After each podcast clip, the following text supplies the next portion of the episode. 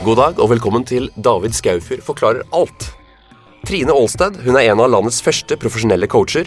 Hun er sertifisert hypnoterapeut og mastertrainer i NLP, nevrolingvistisk programmering. I 2004 grunnla hun MetaResource AS, et internasjonalt samarbeidsnett for kompetanse og selvutvikling. Denne uken er hun på besøk i podkasten for å snakke om coaching og NLP. Velkommen skal du være, Trine. Tusen takk. Du, da må jo spørsmålet komme. Hva er NLP, eller hva er din definisjon av NLP? NLP for eh, meg, det er eh, mennesket satt i system. Du veit at um, mennesket er den mest avanserte skapningen vi kjenner til i hele universet. Samtidig så er det mindre vi veit om mennesket enn vi veit. Gjennom NLP så får vi noen nøkler til den indre storheten i oss. Det er metodikk, det er teknologi, og det er modeller. Det er eh, Vi lærer om sansebruk, hvordan sansene preger det vi har av innsikt på innsida, altså hvordan vi koder sannhet, forstår alt som skjer rundt oss og inni oss, gjennom sansene våre. Det er egentlig sansene alt vi har. Og så er det språket. Hvordan eh, ord trigger sanser, og derigjennom fyrer av atferd, da. Ja. Eller forståelse.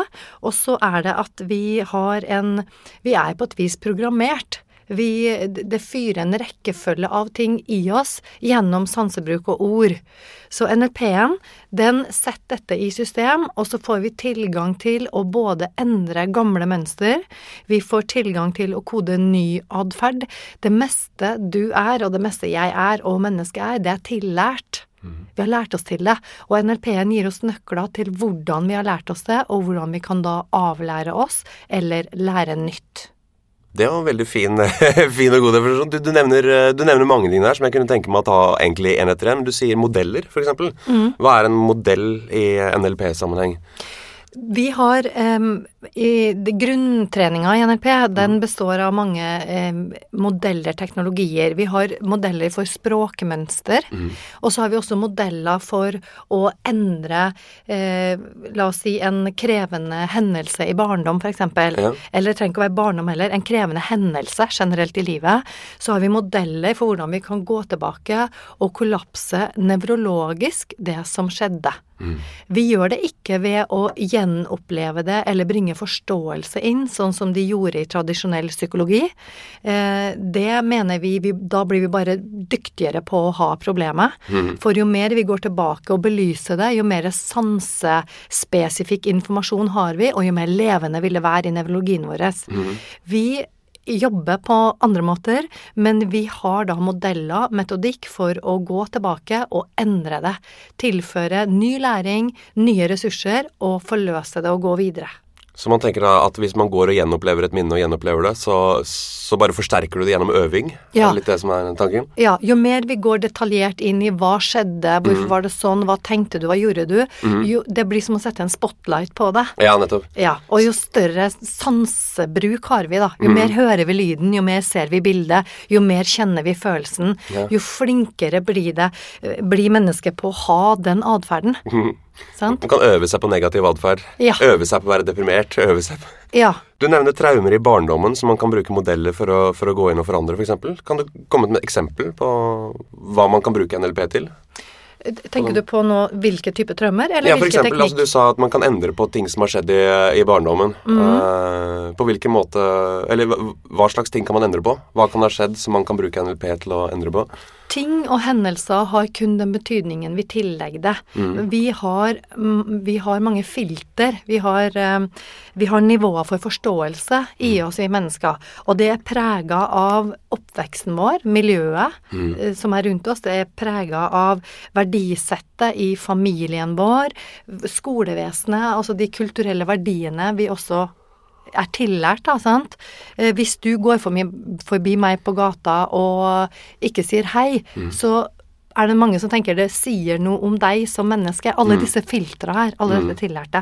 Så eh, for noen så vil en oppsigelse f.eks., eller en, en, en, eh, en skilsmisse, Ja. det vil bety veiens undergang. De kan bli bitter, de føler seg forrådt, de mister mål og mening, de mister egenverd og sånne ting. For andre så betyr det bare yes! Frihet! Endelig! Og eller jeg skal vise de, se på meg, og så blir de mer produktive og mer nær seg sjøl, kanskje skape noe de ellers aldri ville gjort. Så det handler om hvilken mening vi tillegger det. Så for noen, løvetannbarna for eksempel, så er jo all verdens motgang noe som har gjort dem sterk. Mens for de som blir sittende som et offer, Ja. de blir værende nede. Ja. Finner alle grunner utafor seg til hvorfor det er stakkars på de. Så det blir sånn selvbekreftende system. Ja. Eh, for man har, I den klassiske psykologien så er det noe man kaller for stimulus-respons. Altså du får en ekstern stimuli, og du kommer med en respons. Men det virker som i NLP så ligger det noe mellom stimuli-respons, at du kan ha en tolkning. At du kan velge selv hvordan du, som du sier, bearbeider denne inputen. Ja, fordi måten vi Responsen, da, den er tillært. Ja. Så gjennom NRP-en så har vi nøkler til å endre det. Så, så tilbake til spørsmålet du stilte i sted, da. All, alle opplevelser har den meningen vi har tillagt det. Støtter det oss, så er det fint. Ja. Hvis det gjør oss til noe mindre enn vi trenger å være, så kan vi gjøre noe med det. Vi trenger ikke å være offer for det, da. Nei. Så det er ikke noe sånn derre ja, vi kan gjøre noe med de vonde tinga, eller bare det og det og det. Det er generelt. Alt vi har opplevd, kan vi gjøre noe med. Er NLP er det psykologi? Er det New Age? Er det populærpsykologi? Hvor, hvor, hvor havner NLP i det spekteret av, av behandlingsmodeller, eller Og så når NRP ble jo oppdaga i sin tid eh, nesten ved tilfeldigheter, ved at da en av grunnleggerne, dr. Richard Bandler, han observerte atferd, og så Ja. begynte han å herme den atferden. Eh, og så hadde han plutselig samme resultater. Så eh, det er basert på observasjon av menneskelig atferd og folk med utprega resultater, altså suksessfull atferd. På det tidspunktet, tidlig 70-tall, så fantes det ikke så mye forskning. Så eh, det var lite som underbygde det, og det skapte mye furore, mye motstand, for det, det brøyt jo over med den tradisjonelle psykologien og terapien, ikke sant? Em, jeg, for meg så er NLP eh, struktur og teknologi i seg sjøl. Men i bruk så er det høyspirituelt. Fordi mennesket får sånn kontakt med en storhet i seg sjøl. Det, det, det er mm, Ja. Det, sånn er det for meg, da. Så jeg vil si NRP NLP handler jo om kommunikasjon. Det handler om psykologi for så vidt. Eh, Det gir oss nøkler til livet, og det gjør, gir oss frihet og valg. Det er kanskje noe av det eh, på toppen av kjeden av ting NRP NLP gjør for oss, så gir det oss en eh, frihet til å velge, og trygghet i den friheten. Eh, for jeg- Hvis vi tar utgangspunkt i Richard Bandler, som, som du nevner, så var en av de første bøkene hans har jo uh, Hva var det het for noe? Det var um, basert på tesen hans. Han skrev den var 23 eller noe sånt. Uh, altså me metamodellen, den språkmodellen, hvor han handler om hvordan Structure of magic. ja, Structure of Magic, ja. Eh, som handler om hvordan språk og tanke henger sammen. da, Hvordan du binder opp tanker i hvordan du ordlegger deg.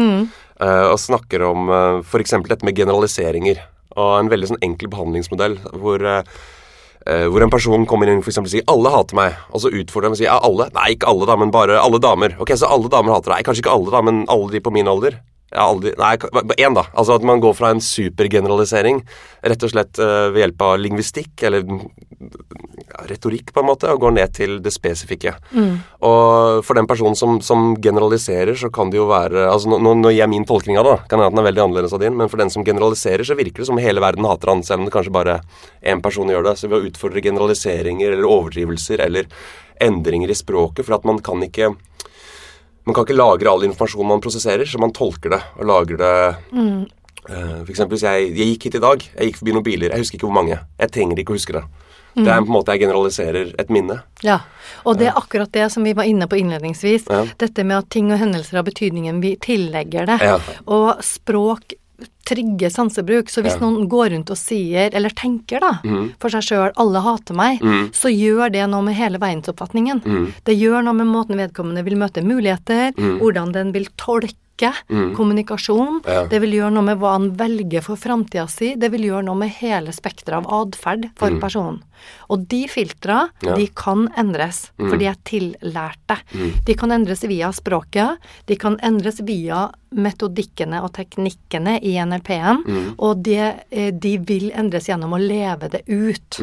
Sannhet og læring er en følelse. Vi må gjøre det. det. NLP er jo ikke teoretisk Nei. for meg.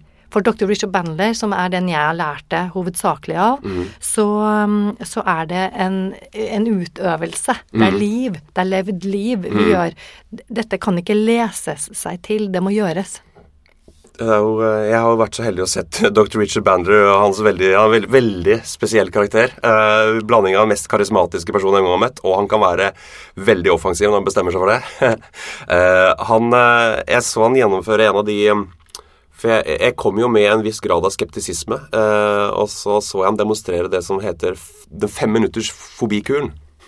Hvor han får 20 personer som er da edderkoppfobikere, til å stå med taranteller i hånda i løpet av ja, 10 minutter, kvarter. Det er en veldig, veldig fin eh, overbevisning. Og da, da, da bruker han noe som du snakker om innledningsvis. Altså han, snak, han bruker sanseapparatet. Fordi at han um, Et lite barn er jo ikke redd for en edderkopp. Det er tillært. Og han mener at det du kan lære, kan du også avlære, eller omlære. Det er vel hele hans tankesett. Ja. Og man, ja, Kan du fortelle litt om den femminutters fobikuren, du som kjenner den sikkert fra innsiden? Ja, det fins flere måter å jobbe med frykter på, og sansene er en nøkkel. Ja. Den, den eh, tradisjonelle fobi-traumekuren i NLP handler om å gå inn i en kinosal og spinne en filmsnutt baklengs med noen elementer i seg.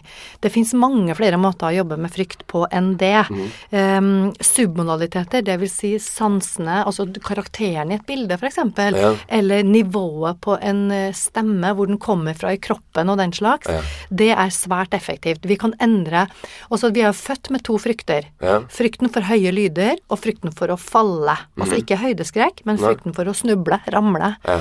Alle andre frykter er tillærte.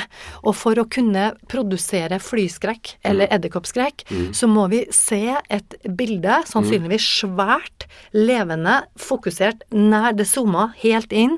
Eh, Skarpe konturer, klare farger. Det er masse lyd der, og scenario som spinner er en eller annen elendighet. Ja. Sant? De som har edderkoppfrykt, de ser ikke en bitte liten edderkopp. Nei. De ser en diger, hårete, svær, ekkel en. Veldig nær. Ja. Stor, ikke sant. Så eh, vi, og ved å gå inn og endre på sansebruken, da, mm. ved å typ ta det svære edderkoppbildet og skyve det langt bort, gjøre det sort-hvit og krympe det ned, Mhm. Ja. så vil det miste effekten. Fordi kroppen, nevrologien vår, har ikke noe å respondere på.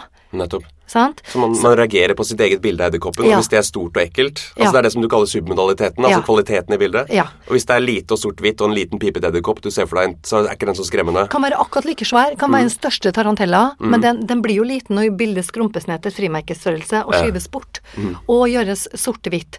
Vi har enkelte triggere som er sterkere for oss, vi mennesker. Mm. Eh, Sånn som fargene. Et sort-hvitt-bilde har en annen effekt på nevrologien vår enn et fargebilde. Mm. En levende film har en annen effekt på oss enn et stillbilde. Ja. Det er sånne nøkler, da.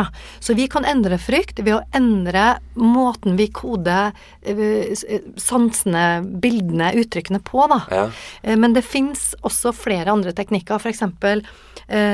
Det å spinne en følelse baklengst. Det å kollapse nevrologien. Hvordan gjør man det? Det er rett, altså alle følelser spinner i en retning. Hvis, Mhm. den, hvis det ikke er bevegelse i en følelse, så vil vi være nummen. Da kan ville vi ikke føle den. Og den har bare fire alternativer. Den Mhm. spiller, spinner enten forlengs, baklengs, sidelengs ene veien eller sidelengs andre veien. Det er bare de valgene en følelse har å spinne på. Og når vi går inn i følelsen Nå blir dette ord igjen, det må oppleves for at folk skal skjønne det. Men hvis du går inn i magen din da, eller et eller annet sted på kroppen, brystet, og kjenner på en følelse, og går inn i den og får kontakt med den, så vil du legge merke til bevegelsen bevegelsen i den. Hvis du da snur den bevegelsen, og begynner, til å begynne med kan det føles litt sånn trått og treigt, og spinne den fortere og fortere og fortere og fortere motsatt vei, så vil følelsen kollapse. Den vil bli borte. Frykten vil snu. Og det er noe vi nå bruker kanskje oftere da enn den tradisjonelle fobi-traume, hvor folk går inn i denne kinosalen, ser på lille uh, lerretet, svever opp i framviserrommet, sant? som var en tidligere teknologi. Vi jobber enda raskere nå, kan du si. Ja, Det går rett på følelsen istedenfor bildet som skaper følelsen? Ja, Ja, ja, vi jobber med Vi Men gjør det på en annen måte. Beveger følelsen seg fysisk, eller er det en metafor for hvordan man Den beveger seg fysisk. eh, Du vet, hele universet er frekvenser og energi i bevegelse. Tomrommet mellom meg og deg nå, det er jo ikke tomt. Sant? Det er energi i bevegelse. Og sånn også med følelser. Så det er en fysisk, helt konkret bevegelse i kroppen vår når vi produserer en følelse. eh, Hva slags eh, Jobber du som behandler, eller jobber du som coach? Hva er liksom yrkes... Eller hva, Har du noen definisjon på hva du gjør? Ja, jeg er jo en mastertrener, jeg har en æresgrad fra Richard Bandler, Ja. som jeg er stolt av, for å undervise i NLP. Ja. Så eh, jeg underviser, jeg er lærer da, eller trener. Jeg er også coach, jeg holder masse foredrag, så jeg jobber både én til én med grupper i bedrift, i, med klasser som kommer til instituttet som jeg da driver. Og ja, så jeg, jeg, jeg hjelper mennesker. Mm. Behandler du pasienter, sier du det? Jeg kaller det kunder. Kunder, ja? Mm. Fordi at i NLP-en så tar vi utgangspunkt i at alle er friske, Ja. alle det. Vi er ressurssterke. Så problemene vi har, de er tillært. Ja. De må avlæres. Ja. Så det, mennesket og livet vårt handler om læring, ikke om sykdommer. Hva, hva slags ting kommer folk til deg med som de vil avlære? Er det sånn konkrete enkeltting, eller er det helhetlig masse Går de til deg gjennom et år, eller kommer de til deg én gang? Nei, ja. eh, Jeg jobber Jeg mener um, Jeg vil hjelpe folk tilbake ut i livet sitt så fort som overhodet mulig. Jeg vil gjøre alt jeg kan på deres premisser, selvfølgelig, for jeg kan ikke få noen til å gjøre noe med mindre de lar meg, Nei. eller de sjøl er på høyden og vil det. Eh, Og så skal de ut av mitt kontor og Ja. ut i livet og leve. Så jeg jobber raskt med folk, så raskt som jeg kan. Um, hvis de ikke har NLP fra før, eller aldri har vært i coaching, så vil det ta lengre tid, fordi de skjønner det ikke. Jeg vil tro at noen av de som lytter nå, har mm. hører dette for første gang. Da skjønner de ikke begrepet og omfanget av det. Det må oppleves. Da har vi kanskje tre møter. Eller fire møter, og så er de ut i livet. Et møte varer halvannen time. Eh, det er coacher som jobber over et år, f.eks. Jeg har hatt en leder som gikk til meg kontinuerlig. Han gikk i et halvannet år. Ja. Til å begynne med hadde vi ofte møter, og så på slutten så hadde vi kanskje hver andre måned eller hver tredje måned. Det er veldig sjeldent. Folk hos meg kommer inn, har kanskje to-tre møter, smukk ut i hverdagen. Så kan det være at de kommer tilbake igjen om en stund. Ja. Av tematikk Jeg har jo jobba med dette så lenge nå. Så jeg, det minste barnet jeg har jobba med, har vært seks år. Da har det vært fryktproblematikk. Men det kan være andre ting. Sengeveting, tvangshandlinger. mm, Ja, forskjellig. ADHD, det er masse læringsvansker forskjellig jeg jobba med. Eh, Den eldste som har vært hos meg, var en 78 år gammel eh, pensjonert andir. Han var slettes ikke ferdig med livet, og han hadde noen temaer som hindra han. Det ville han gjøre noe med, så han kunne leve sterkt videre. Ja. Og så har jeg hele spekteret imellom. Det siste nå har For det, ofte så er det sånn at det kommer litt i puljer, tematikk. Det, i, I det siste nå så har det vært mest menn, og de kommer med fryktproblematikk. Sist så var det en Eller eksempel i sommer, i forbindelse med Norseman, så var det da en eh, toppatlet som kom og hadde fått klaustrofobi for vann. Ja. Og det er klart at hvis skal du være med i triatlon og norseman, så må du kunne svømme. Så, eller svømme kunne du jo da, men du må ikke få panikk i, i mølja der. Nei. Så vi jobba en time sammen, og han hadde sitt livs prestasjon. Hvordan jobbet du med, med klaustrofobi? Hvordan var den, var den oppstått basert på en enkelt hendelse, eller faen, Eller var det Ja, det var, eh, det, det var et eller annet som kom inn fra barndom. Ja. Dette er jo en sak som ligger ut som en referansesak på Metaresource sine sider, Ja. så jeg kan godt snakke om den. Ja. Han, han ligger jo der med bilde og alt som er. Han hadde hatt en hendelse i barndommen som hadde eh, satt han i kontakt med dette å bli eh, fanga. Fanga inn. Han ble lukka inn i en boks, en liten sånn kiste, i barnehagen, og han lå der en par timer. Og det var ganske traumatisk for han. Ja, det. Så, så det var den frykten som ble trigga i det mylderet av testosteronmenn som og kvinner som skal ut og liksom konke Norseman. Så det var det vi jobba med. Hvordan jobbet dere med det? For det er jo et minne, og da går jeg ut fra han hadde noen sterke følelser eller noen øh, ubehagelige assosiasjoner til dette Ja. med lukkede rom. Da bruker jeg da en korsende tilnærming. Jeg bruker NLP-en, jeg bruker hypnose. Eh, og jeg bruker også en teknikk som heter heivening, som det er masse hypnose og NLP i, men som også har andre tilleggselementer. Som, det var det som jeg brukte på han, da. Det, er ikke noe, det er ikke noe vanskelig å kollapse frykter. Det er ikke det. Men det må, det må være villet, og de må leve det ut i etterkant. Mhm. Det er tillært, det er produsert. Det er ikke Ja. noe vanskelig å lære om igjen, egentlig. Hvis du sier de, de to tingene som du sa nå, kollapse og Jeg har bare lyst til å gå liksom på detaljene, altså brytende chunkene her. Altså Ja. kollapse det og leve det ut, hva, hva vil det si? Og, det- kollapse det var det du sier når du, når du snur. Ja, med å snu Ja, da endrer vi den Vi har eh, strategier for atferd. Mm. Vi har trinn, steg. Det er en rekkefølge. Jeg vet ikke, alle som har jobba med dataprogrammer, kjenner jo til det. Det er sånne loops, det er programmering, sant. Mm. Det er sånne trinn nedover. Sånn er atferden vår òg. Hvis du skal pusse tenna, Mm. så tar du ikke på tannkremen når du er ferdig. Nei. Den kommer foran. Det er strukturer, dette er rekkefølger. Sånn er det også i frykt. Mm. Ja. For å kunne starte fryktfølelsen, så må han spinne noe i huet sitt. Ja. Og jeg går inn og gjøre endringer med det, eller det vil si han gjorde det basert på hva jeg ba han om å gjøre. Ikke sant? Så det er han som gjør jobben, Mm. Ja. men jeg vet hva han skal gjøre. Ja.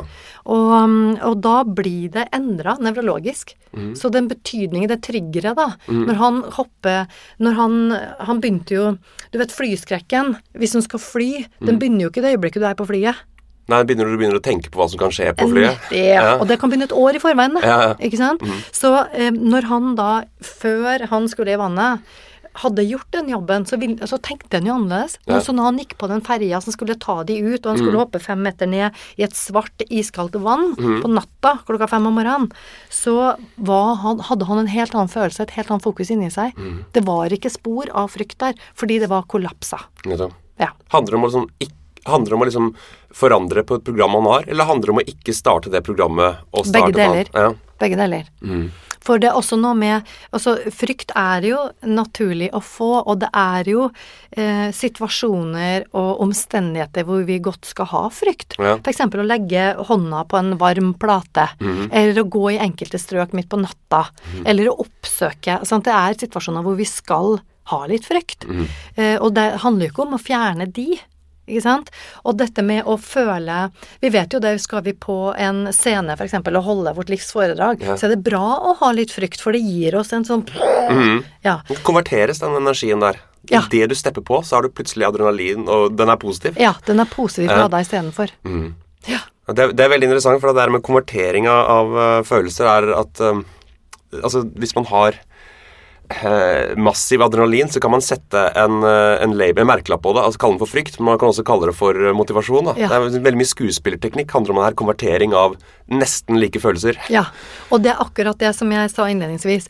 Ting og hendelser har kun betydningen vi tillegger det. Mm. Så for noen så vil noe være dønn motiverende, og de vet de får tidenes Mm. Mens andre bare Å, nå må vi gå hjem en gang. Men kan man snu en følelse 180 grader? Hvis jeg sier, hvis jeg sitter her med massiv sorg, der kan jeg ikke bare si 'Å nei, dette er massiv glede'. Altså, det, en, det blir en falsk merkelapp. eh. Ja og nei. Sorg er spesielt. Mm. Sorg er en, en prosess som er viktig for menneskets utvikling, Mm. altså sjelelig. Det, vi, sorg er veldig viktig, men det fins måter å takle og håndtere sorgen Mm. på som vil hjelpe oss. Men andre følelser kan snus 180 grader, ja. Mm. Ja, det. Du nevnte i sted også at, eh, at du jobber med ADHD. Eh, hvordan gjør du det? Er det en nevrologisk tilstand, eller er det, mener man i NLP at det er uh, atferdsmønstre som det er tillærte? Det- Jeg vil ikke generalisere et svar der, for det Nei. er så personavhengig, egentlig. Mm. Så, og det er jo også en del av Når en kan NLP, så får en også innsikt i mangfoldet i mennesket, og vi skreddersyr. Så jeg har ikke én form jeg jobber med mennesker i. Jeg har masse modeller og teknikker som jeg kan bruke, men hva vedkommende trenger, er avhengig av hva vedkommende har lært seg til. Ja. Også, sånn er det også når jeg jobber da med typ eh, ADHD eller andre atferdsutfordringer. Så skreddersyr jeg ut ifra hva personen trenger, eller hva de responderer på, eller hva, hva er mm, problemet? Er det i familiesettingen? Er det på skolen? Er det under trening? Altså hva er konteksten det utspiller seg i? Ja. Så det er sånn Jeg kan ikke generalisere på det. Det er skreddersøm eh, underveis. Vi skal ha en gjest med ADHD senere, skjønner du, så det var bare litt interessant å få en annen input på det. Og det, Ja. det jeg opplever, er at, at folk med ADHD ofte har en eh, negativ assosiasjon i forhold til læring. Fordi at de Mm. Blir fortalt på skolesystemet at de ofte ikke er flinke. Ja. For at de har en annerledes nevrologi, om man kan kalle det. Ja. Og eh, det som er morsomt, er når folk sier at eh, de har konsentrasjonsproblemer, men de kan sitte åtte timer foran Xbox og Ja. Mm. spille. Det er ikke noe problem. Og da har du ikke konsentrasjonsproblemer, da. Nettopp. Da har, du, da har læreren et motiveringsproblem, da, tenker jeg. Ja, og det er sånne ting vi går inn på når vi skreddersyr. Mm. For da tar vi kanskje den suksessfulle atferden, for de funker foran Xboxen. Mm. Ja. Da kan vi ta trinna, strategien fra det, Ja. og overføre til læringssituasjonen. Ja. Og de får effekt og resultater. Pluss at vi trenger å rydde opp da de negative eh, tolkningene, eller, eller eh, ja, jeg vil nesten kalle det tolkning. Mm. Fordi vi tolker Ja. det som skjer rundt oss hele tida. Så det han forbinder da, eller hun, med det negative i forhold til læreren, det kan avlæres Mm. også. Så, og så er det noe med hvordan bruker vi sansene, for vi har bare disse fem sansene. Mm. Hvis du tar bort alle bilder du noen gang har sett, både på innsida og utafor deg, hvis du tar bort alle lyder du har hørt, både på utsida og inni deg, hvis du tar bort alle følelser, altså eh, taktile på kroppen din, Mm. alt du har lukta, alt du har smakt, hva er du da? Mm. Ingenting. Sant? Så alt du kan, og alt du veit, og alt du gjør, har du lært deg til via sansene. Ja. Det er måten vi bruker sanser på. En som er utprega visuell, vil ha andre fordeler enn en som er utprega auditiv. For eksempel, en musiker er ofte auditiv. Den, den lever i høresansen Ja. og får med seg mye mer fra den enn en som er visuell, som kanskje er veldig visjonær, kan være maler, grafiker, et eller annet, sant.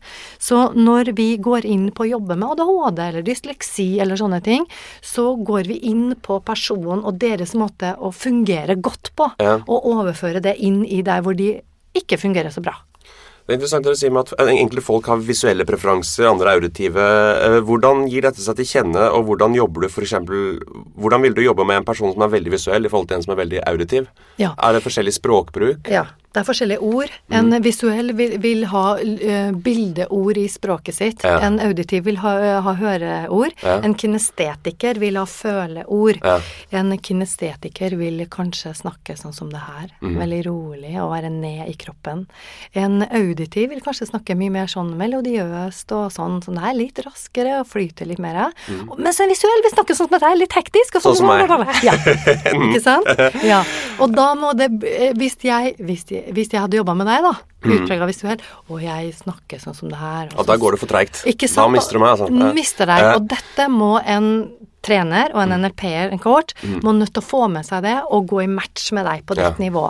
Og det å handle om skreddersøm. Sant? Ja. Og for å komme dit hen, så må man ha gjort og gjort og gjort og gjort og gjort, og gjort, og gjort for å mestre. Ja. Og da greier vi å hjelpe hva det måtte være. Når du foreleser, da, da snakker du til en sal full av mennesker som er um, har alle uh, preferanser. Ja. Hva gjør du da for å treffe bredt? Det var bra du sa dette med preferanser, for ting er også kontekstbasert. En, eh, vis, en visuell kan være auditiv i andre kontekster, sant? bare så det er sagt, da. Vet du hva, i en undervisningssammenheng, eh, det er selvfølgelig avhengig av størrelsen på gruppa. Er det noen og 20, så er det lettere å kunne eh, matche på skift enn hvis det er en forsamling på 1000. Da må en jo bare kjøre sitt. Men eh, vi har jo foretrukne innlæringsmønster, og hos oss da i Metro Resource så har jeg forskjellige trenere som appellerer til forskjellige deltakere. Så noen har meg som favoritt, Ja. noen har Linda som favoritt, noen har Tone som favoritt, Anne som favoritt, osv. Har du valgt deg en visuell, en kinestetisk, en eh, auditiv? eh, Eller? Nei, nei, ikke egentlig. Men vi går jo Det er et bevisst valg rundt mangfold, og de blir oppmuntra til. Det er jo jeg som er sjefen, sant. Og det er kanskje det, Dette er jo folk som har trent seg over år før de er på det nivået de er nå. De òg, sånn som jeg har gjort. Og da er det lett at vi lærer av hverandre, sant. Eh, Men de blir kontinuerlig oppfordra til å sette sitt særpreg på det. Og da blir det sånn at de matcher de forskjellige. Ja.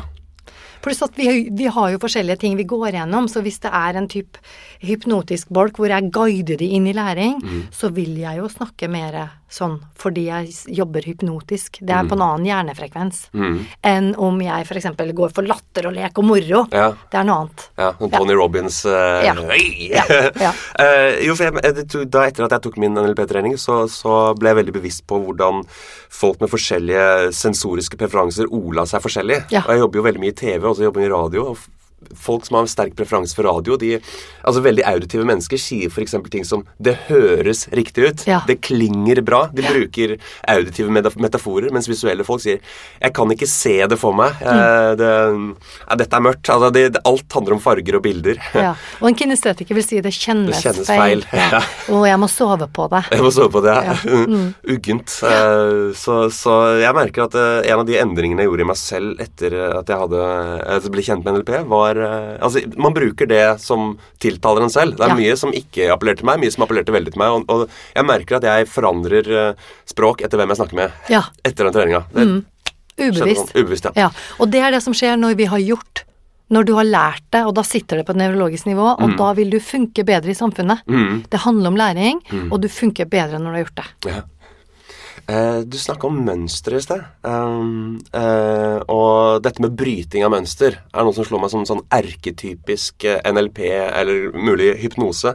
Eh, er, er den, altså Hypnose er et veldig bredt felt, og vi kommer ikke helt til bunns i det i dag. Men, eh, men hva er liksom Er det en er det Milton Eriksson som er liksom hypnosens far, eh, Ja. sånn som du ser det? Eller er det Ja, i hvert fall nyere tids hypnosens far, Ja. for hypnosen er mye eldre enn Milton. Ja. Men det havna jo i bakleksa som noe okkult. Ja. Sant? Men Milton, som da var psykiater, eh, han eh, jobba syv dager i uka i noen og 60 år. Mm. Så han har Det er sånne utrolige resultater han hadde. Mm. Så han brakte det inn i lyset, kan du si. Og han også eh, Han kalles jo også positiv psykologis far. Ja. Han var en eh, utprega person. Han eh, tilførte Altså, du har jo snakka litt om å gå spesifikk, gå inn i det detaljerte, chunke det ned her nå. I hypnosen går vi motsatt vei. Ja. Vi gjør det generelt, uspesifikt. Mm. Så det er, en- det er en helt annen tilnærming. Milton Eriksson, bare for å introdusere ham for de som ikke har han, var, eh, han satt i rullestol. Han hadde Ja. polio som ung. To ganger. To ganger, ja. Og han, øh, han gikk bare kledd i lilla. Alt rundt ham var lilla, for det var den eneste fargen han kunne se. eller et eller annet. Ja, han var øh. fargeblind. Ja, og han hadde en han, Alt var konversasjon. Han snakka bare til folk. Ja. Og inni det så la Historier. han Ja. Alt var historier, metaforer, og hvor han putta inn små kommandoer, eller hva vi skal kalle det. Mm, eh, med små- tonalitet i stemmen sin og Ja. trykk på enkelte ord. For han kommuniserte til både det bevisste og det ubevisste. Ja.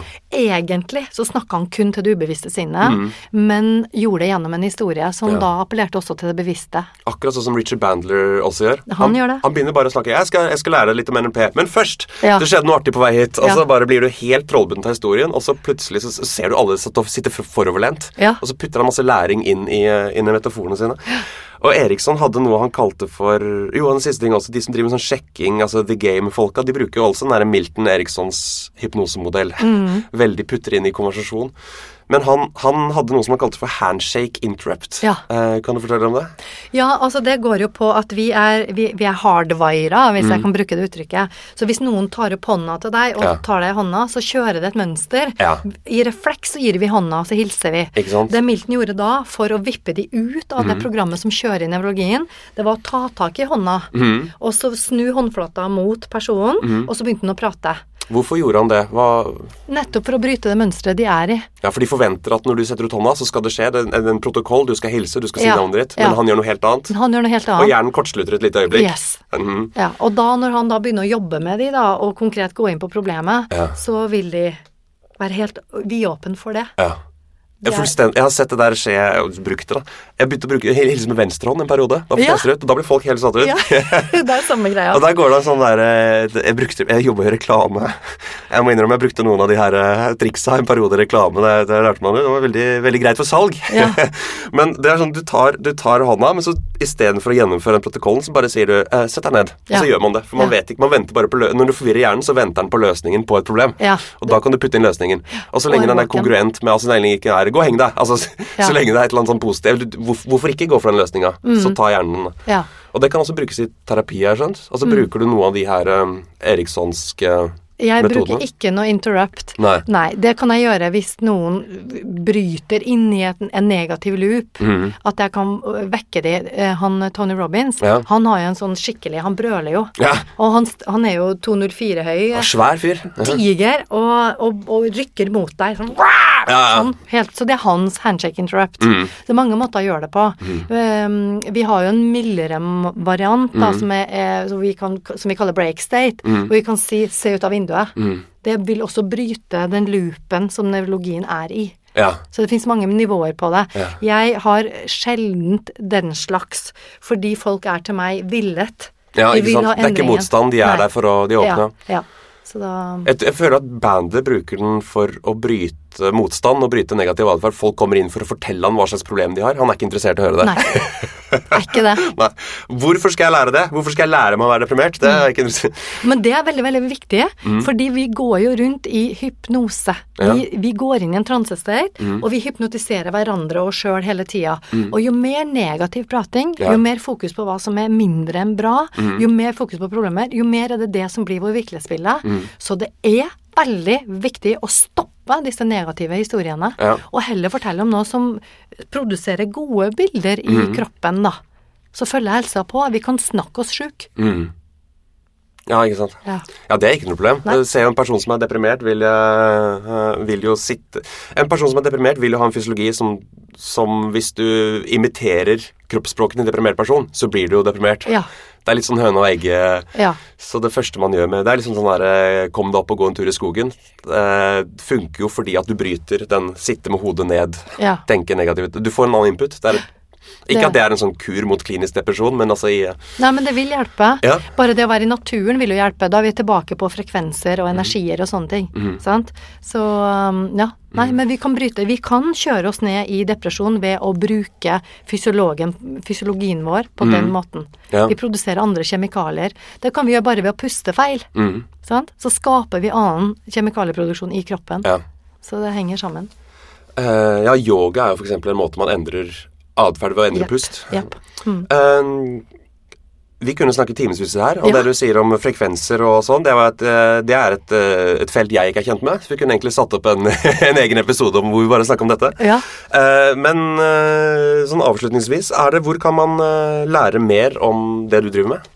Eh, Og om deg? Ja, altså jeg, jeg har jo grunnlagt et selskap som heter metaresource.no på nettsida.